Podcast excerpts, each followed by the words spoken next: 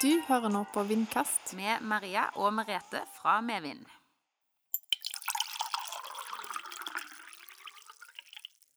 I dag har vi besøk av en spennende gjest som etter 30 år ca. har vendt hjemover til bygda igjen. Og eh, vedkommende har vært snart en måned i stillinga som ny sjef i Fikse næringsforening. Og da snakker vi selvfølgelig om Nils Einar Steinestø. Velkommen til oss. Takk for det. Det er én plass vi må begynne i dag, og det er jo det mye omtalte høyden din og den nye bilen din. Hvordan går det egentlig med en mann på 1,75 pluss Ja, ja hvordan det går? Det går, inn i I3-en? det går veldig bra, men jeg kan ikke ha noen Det, er ingen, eh, det går ikke unger i baksetet engang. Nei.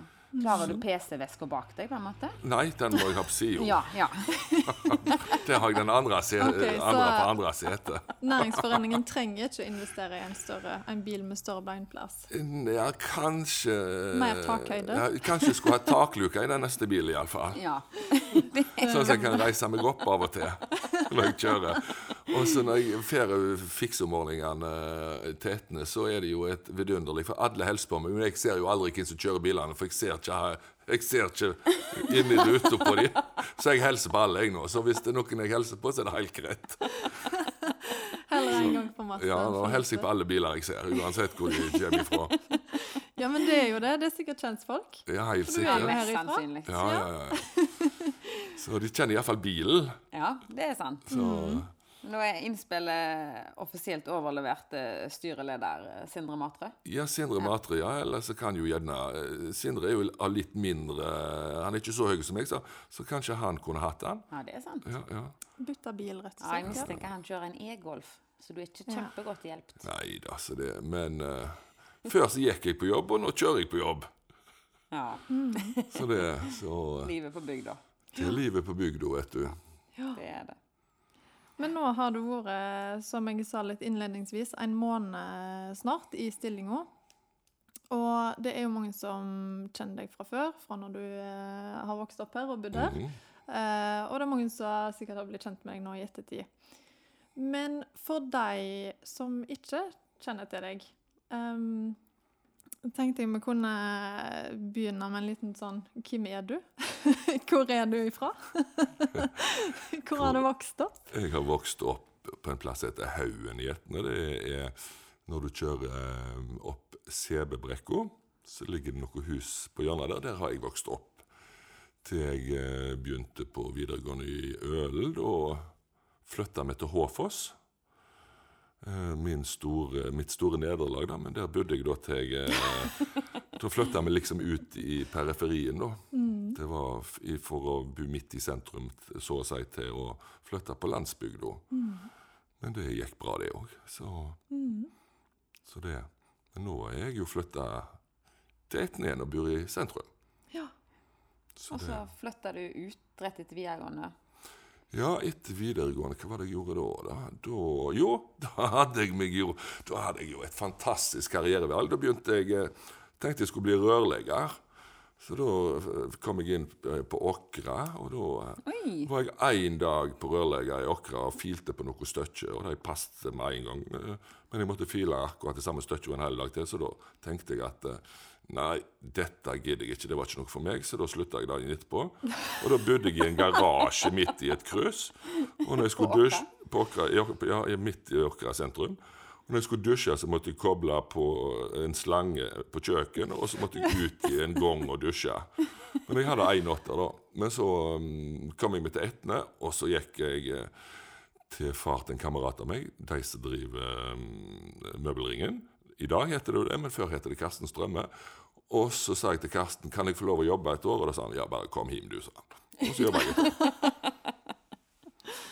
Så når jeg jobba der et år, så reiste jeg til Haugesund, og så begynte jeg på ingeniør. Så jeg bodde i Haugesund i tre år. Og etter jeg var ferdig på ingeniør, så hadde jeg sommerjobber i Statoil hele tida. Og når jeg var ferdig, da begynte jeg å jobbe på hotell. Det var jo veldig smart, for da gikk Etne hotell konkurs. Et naturlig veivalg for en ingeniør? Et veldig veivalg. Men jeg hadde hatt sommerjobb da på Gjestegården og Etnehotell på noe som heter Laksen. Og Laksen. Ja, ja, ja. Så der jobba jeg alltid i helgene. Så det sto i baren eller sto i døra og litt sånn forskjellig. Og så gikk Etne hotell konkurs, ja. Og så var jeg jo ikke verre på den at vi leikte Etne hotell av bostyret. Jeg og en som heter Kjell Gjendom, han som driver Gjestegården ennå. Så dreiv vi det i seks måneder eh, til det kom nye kjøpere. Da. Vi prøvde å kjøpe det, men det var ingen som hadde så veldig store tro på oss som var så unge at vi kunne drive det. Så hadde vi fått kjøpt det, så hadde jeg vel aldri flytta fra Etne, men eh, det var nå like godt, det. Og da flytta jeg til Geilo. Ja. Og da eh, begynte jeg som barkeeper eh, på Dr. Holms. Så da dreiv klassiker. Ja, det var en klassiker. klassiker. laksen til Dr. Holms. For Dr. Holmes, ja. Og da hadde vi en, eh, en bar som heter Resepten, som var megapopulær overalt. Og det var smekkfullt hver dag eh, hele vinteren. Så um, når jeg var ferdig med den sesongen der, da flytta jeg til Ullensvang. Men jeg brukte jo aldri den ingeniørutdannelsen min, så det jeg tror jeg har litt, vært litt småirritert, iallfall for mine foreldre. da, Men de har jo aldri sagt noe. Men når jeg kom, når jeg kom til Ullensvang, så tenkte de sikkert at nå ble han godt kurert. For da skulle jeg jobbe for ei, gam, ei gammel dame som heter fru Utne, som var ganske ganske kjent i hotellverdenen. Men jeg og hun gikk veldig godt i lag, så vi, hun tok meg under vingene og lærte meg alt. Så det, fremdeles når jeg går på hotell, så går ikke jeg midt i gangen på teppet. Jeg går på sida, sånn at vi skal slite teppet på begge sider. Og, og uansett hvor jeg er på hotellet den dag i dag, så går jeg retta på puter og, og, og rydder kopper og litt sånn forskjellig. Så det var en superskole å være hos fru, Et- fru Utne, da. Um, og det tror jeg det er mange i, i bygdene som kjenner meg igjen. For da drev jeg bar og restaurant på Ullensvang i fem, nesten seks år. Så uh, Og så fant jeg ut at hvis jeg skulle holde på med dette, så burde jeg gjerne ha litt skole da, på hotellet òg. Og så får jeg til Stavanger. Og så gikk jeg på um, Hotellhøgskolen. Eh, så der var jeg eh, først i to år, og så måtte vi søke for å komme inn på det tredje året. Eh, Men jeg var jo ikke så mye på skolen da, for jeg jobba jo fulltid da i Nordic Choice. Det ble litt nedprioritert? nærprioritert. det ble litt nedprioritert, men jeg fikk jo ganske gode karakterer egentlig allikevel. da. Men jeg husker en gang så meldte jeg meg opp på feil eksamen, men det fant jeg ut tre dager før jeg skulle ha eksamen, så da måtte jeg jo rålese på et nytt fag som jeg ikke hadde hatt. Men det gikk bra, det òg. Ja, ja, ja. Fantastisk. Så, Da eh, tror jeg så, du er på den Da var du på rett plass, liksom. Ja, ja. Og i det faget som så da stemte. flytta jeg egentlig eh, Ja, da jobba jeg i Nordic Choice, og da var Nordic Choice eh, veldig lite. Da tror jeg vi hadde 13 hoteller, men det var Petter Stordal som hadde det da. Så da jobba jeg ute på Sandnes på et som heter Residens. Eh, Mens jeg gikk på skolen. Så da dreiv jeg nattklubb og bar og en irske pub. Og, så det gikk i bånn gass hele døgnet da òg. Ja. Eh, og da jeg var ferdig på skolen, så spurte de på Radisson om jeg ville komme på et intervju og være Eller for disse tre Reddison-hotellene i Stavanger. Atlantic og et som heter KNA, og et som heter Royal, som lå oppe i Løkkeveien. Hva er FNB? Det, da er du sjef for alt som har alle barer og restauranter oh, ja. og mat og drikke og sånt. Food and beverage. Food and beverage. ja. Ja. -hmm. Så da Og plutselig så hadde jeg fått den jobben. Egentlig som jeg ikke hadde tenkt jeg skulle ha. Men eh, der var jeg i nesten ett og et halvt år. Og så ville Radisson-konsernet sende meg til Svalbard, og det var jeg iallfall ikke klar for. Eh, Så da ringte jeg inn til Edmund Utne, sønnen til fru Utne, og så lurte jeg på om, om de hadde en jobb til meg der inne, og sa han, ja, du kan komme inn som salgs- og markedssjef. Det går helt supert. Og så flytta jeg til Ullensvang igjen. Ja. og da var jeg der i tre år. Eh, og så hadde jeg meg en liten tur innom en store turoperatør som heter Hagan Nordreise. Ja. Uh, som var veldig kjent på Vestlandet, som kjørte busser opp og ned til Selamsee og Spania og litt sånn. Og da skulle vi snu et svære underskudd, uh, for de hadde tapt så mye penger. Men det klarte vi å snu da, i løpet av et halvt år. Men det var ikke akkurat det jeg hadde lyst til å jobbe med, da, så da ringte de fra First Hotel og lurte på om jeg ville bli eh, salgs... Eh, begynne på salg på, på turoperatører og litt sånn i Norge, da. Eh, og så sa jeg ja, det kan vi jo prøve, og så flytta jeg eh, til Oslo. Ja. Og så sa alle er du gal, sa de i hotellbransjen. For First Hotel de har jo vært kongs siden de starta. Og da tenkte jeg nei, men da hiver jeg meg på det. Dette er jo spennende utfordrende. Så eh, For et potensial! for et potensial. Det kan kun gå én vei. Og da husker jeg vi jobbet tolv timer i døgnet, og han som eide det, han hadde pansret alt som han eide og hadde, og eh, vi klarte å snu det, og plutselig så fikk jeg ansvar for alle hotellene i hele kjeden på salg. Og så eh, skulle jeg bli sjef for det eh, internasjonale markedet, så, vi skulle ta inn eh, turister og sånt til Skandinavia. da. Og så begynte jeg å reise og være med og bygge opp nye markeder. Så et av de første markedene jeg var med og bygde opp, det var i eh, Russland.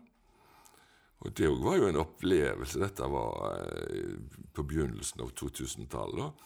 Så første gang vi var der borte da med tre-fire stykker, og så hadde vi med oss en i, fra Innovasjon Norge, en som heter Per Holte, som eh, har jobba der hele sitt liv, i forskjellige navn på Innovasjon Norge. da. Så sto vi på flyplassen i St. Petersburg og så skulle sjekke inn bagasje, og så sier hun eh, som står bakom eh, eller inn, inn, innsjekken, da, og så sa hun Do you have any values in your luggage? Og sa jeg yes, yes. sa jeg. Please take it out, or you will never see it again. så, så det var en opplevelse. Ærlig. Så det, så det var Velkommen til Russia. Nei da. Og så litt etterpå så ble det mye fo- fokus på Kina. Og da um, var jeg eh, med på å starte å bygge opp Kina inn til Skandinavia. Og det har jo vært en fantastisk reise. Å komme ned der og du måtte sitte og holde på alt du hadde, for hadde du med deg brosjyrer, så stjal de det. De tok alt ifra deg, for det, det var liksom ikke Ja. Og så så de på oss og lurte på hva i all verden hvordan vi så ut. Og jeg er jo ganske høy, da, så, så, så alle pekte og lo og, og, og, på Skulle meg. ta og- bilde med deg, sikkert. ja, nei, det var ikke akkurat så mye mobiltelefoner så mye ennå. da. Mhm. Men nå de siste åra så, så bare tar de bilder av meg uten å spørre, altså, uansett hvor jeg er. Så, og nå er jo Kina en av de viktigste markedene vi har hatt på turisme. Ja. Og det samme har vi gjort på Brasil og Argentina. Og, så jeg har liksom reist veldig mye, da. Så jeg elsker å, å begynne på nye ting og prøve å få lage noe til. Og så må du alltid være veldig åpen. At eh, du trenger ikke selge sol og sommer. Eh, Du kan selge regn og snø. Og, altså, det er jo eksotisk for mange av disse, dette. For de som ikke opplever regn Ja, hver dag ja, ja, i løpet av et år. Og, til, og, og bare komme fra Oslo til Vestlandet, vet du. I Oslo så kunne du gå med paraply. Og Da ble du ikke våt. Men når du kommer hjem til Etne, så blir du nå våt fra brøst og ned uansett om du har paraply. For det regner jo sidelengs. Stemmer det. Ja, så. Mye vær. Men nå tattler jeg veldig mye. Ja, da, vet du, Ja, det var helt nydelig. Eh, som du sa, jeg tror ikke jeg har så mye å fortelle om meg sjøl, sa du. Nei, nei. Eh, det var feil. Ja, det var Det litt feil, ja. ja. Litt av en reise, bokstavelig talt. ja, ja Ja, det er helt rett. så. Nei, så jeg har reist enormt mye hvert, eh, hver eneste år. Og så har alt handla om, eller veldig lenge, om reiseliv. Alt har handla om, alt om reiseliv. Der har du vært hjemme. Det Der har jeg vært hjemme, vet du, og jeg ser muligheter i alt. Ja. Det er aldri begrensninger. Altså, folk kan være interessert i det mest utrolige. ja. Så, så vi trenger ikke bare vise natur, vi kan vise mye løye. Det er helt sant. Ja. Men eh, nå skal du da over på noe helt annet, som ikke bare handler om reiseliv. Hva tenker du om eh, ja, nå skal jeg jo på noe helt annet. Eh, så det kan jo gå eh, veldig bra. Og det kan òg bli mye frustrasjon i hodet på meg sjøl. For jeg har, kommer jo fra en kjempesvær organisasjon. da. Så, så, alle ideene mine de har jo alltid hatt hjelp til å få sett ut i livet og litt sånne ting. da. Eh, men jeg får jo samla meg, og, og, for nå må jeg jo gjøre veldig mye sjøl. Um, og det er veldig mange som vil ha tak i meg. Um, men det tar jo en god stund for å komme inn i en jobb og, mm. og finne ut av hvordan dette her skal gjøres. Da, så regner jeg jo med at det er mange, det er jo mange veldig flinke folk her i, i, i, i bygdene. Eller i Etne og, og Vindafjord. da. Så jeg regner med at eh, jeg får hjelp, og at eh, vi kan diskutere det meste. Den er under opplæring-taggen, for jeg håper ja. folk rundt deg har respekt for en liten stund til. ja da, så, så eh, Og jeg vil jo Altså, jeg håper jo det at vi får eh, enda mer arbeidsplasser. At ungdommen ser verdien av at når de har vært ute, iallfall de som reiser ut og tar utdannelse, da, og har gjerne får seg noen år på baken og ser verdien og, og kommer hjem igjen. Ja, det er du et levende ja. eksempel på. Ja, jeg skulle jo flytte hjem igjen. Det har jeg jo sagt alltid, at jeg skal flytte hjem igjen, da. Ja. Men mm. dette gikk jo litt fort i svingene, da. så, så, så, plutselig så var jeg blitt Etnebu. Eh, det gikk så fort at jeg tror ikke jeg helt forsto det sjøl. Mm. Så, og så går du jo ifra en I byene så er de jo veldig anonyme. Mm. Eh, ikke på jobb, da. Der vet de alle hvem jeg er. Det, jeg snakker jo hele tida sånn som Merete sier, men det gjør jo hun òg. Hun kommer jo ikke helt ord i dag, da. Nei, men i dag er vi jo her for å bli kjent med deg, ikke med meg. Ja, ja, ja. Så, så dette er helt i ruta, dette. Så, så, uh... Men sånn som du sier, dette med å flytte hjem og det, det, er jo alltid litt artig, for det, den første stunden hjemme så gjør du det en del observasjoner. Kontrastene er jo enorme, sånn som for deg som kommer fra Oslo. En stor organisasjon. Liksom, hva er Du har jo sittet på utsida lenge og sett næringslivet lokalt. Mm. Det er jo et sammensatt og kjempespennende næringsliv vi har, med kombinasjonen med store industribedrifter i Vindafjord, med reiseliv og handel som gjør det godt i Etne. Hva er hva tanker har du rundt det? Hvordan framstår det utenfra?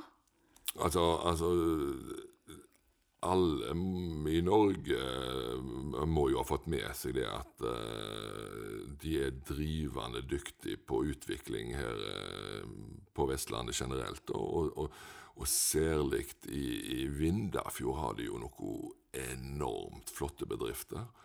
Og så er jeg jo impon veldig imponert over, over Jakob Hatland, mm. som bygger opp den ene bedriften etter den andre og selger det og kjører på igjen. Um, så det er jo Ungdommene her får jo være med å utvikle seg, og det, og det, det syns jeg jo er helt fantastisk. da. Og ja, Du ser jo svære industrieventyr, både Veskoen, Ølbetong og ikke minst Fatland, som er jo Norges største private slakteri. Eh, og det virker jo som generasjonene der klarer å utvikle, utvikle, utvikle. Eh, ja. Og så har vi jo en del eh, utrolig dyktige folk på reiseliv. Hvem i all verden skulle tro at eh, inni Åkrafjorden skulle få så mye til som de har fått der. Og det er jo eh, ja, Du må tenke litt annerledes. også er det ikke noe ni til fire-jobb. Du er på jobb hele døgnet. Så når, når, du holder på med reiseliv og bedrifter og sånne ting, så, så jeg ser fram til å bli, eh, bli kjent med mange av disse her. Og, og, hvis jeg kan bidra på ting, så er jo det eh, veldig bra. Mm. Jeg snakket med Robert i Åkrafjorden Nature her. De hadde hatt over 1000 mann opp Kirkeveggen i sommer. Ja, det er... Kjempefornøyd. Helt fantastisk. Ja, og, og det er jo det jeg ser, da, altså. Jeg har jo reist utrolig mye rundt omkring og sett. Og vi har jo vi, vi har jo egentlig den, en av de flotteste naturene som vi kan eh, ha på hele som Vestlandet. Helt objektivt sett? Ja, helt objektivt sett. Helt objektivt sett så ser jeg jo det, da. Og jeg ser jo for meg det at eh, den der trolltunga, den kan vi jo ta rotta på med en gang med disse her eh, nepene, liksom. eh, Og dette her. Det er jo eh, Det fins muligheter overalt. Ja, det gjør det. Men du har, må jo ha et eh, risikovillig Ja. eh, næringsliv. For det er, det er jo ikke noe som blir gjort av kommune og stat og sånne ting. Du må ha gründere som har pågangsmot, og de må ha med seg folk som tror på seg. Og ja, jeg har jo sittet i en del prosesser, så jeg kan gjerne være med og åpne noen dører. For det, det er jo veldig mye lobbyvirksomhet hvor turiststrømmene går. Um, så vi må jo ta det steg for steg. Men det skjer jo ikke over natta noe sånne ting som det. da. Men jeg tror vi har utrolig både i Etne og Vindafjord som vi kan tilby. Ja, det tror jeg òg. Og så har du òg snakket om uh, dette med de unge. Ja. Unge i arbeid. Der òg vet jeg du har litt spennende tanker. Altså, jeg er jo veldig eh, for at, eh, at ungdommen skal få lov å prøve seg uansett, da. Eh, ungdommen i dag har jo vært utrolig flinke, men det er jo et enormt krav som sitter på dem. Ja, med alt, alle digitale medier. Altså alt, alt Hele livet deres skjer alt, hele livet deres skjer på digitale medier. Og hvis du da kan eh, få angst, dette ut av samfunnet, så er det jo veldig vanskelig å komme inn igjen ofte. Og at, at vi har eh, folk som kan hjelpe til.